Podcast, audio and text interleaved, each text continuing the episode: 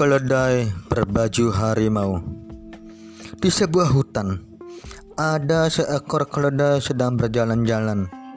Di tengah jalan ia menemukan kulit harimau. Ternyata kulit harimau itu sedang dijemur oleh seorang pemburu. Tanpa pikir panjang Keledai segera mengenakan kulit itu agar tampak seperti harimau. Ia pun berjalan dengan angkuh Berjalan dengan sombong sambil memamerkan gaya seperti harimau. Sampailah keledai tersebut di sebuah perkampungan. Para penduduk kampung terkejut.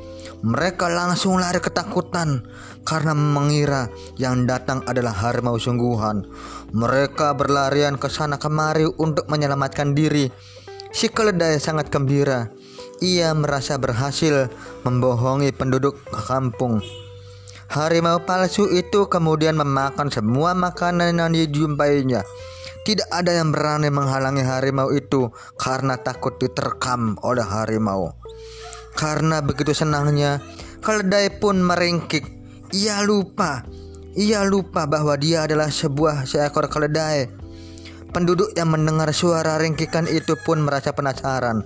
Mengapa ada harimau yang meringkik?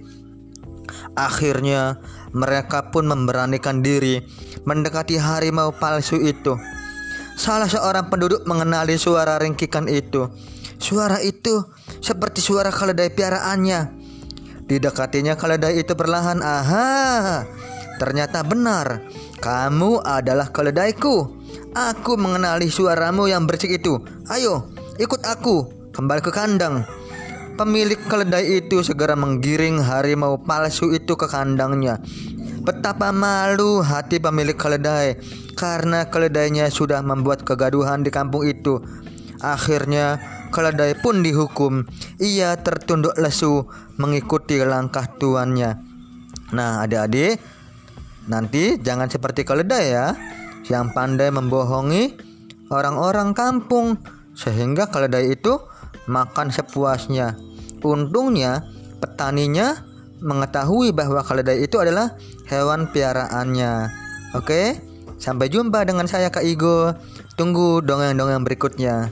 Assalamualaikum.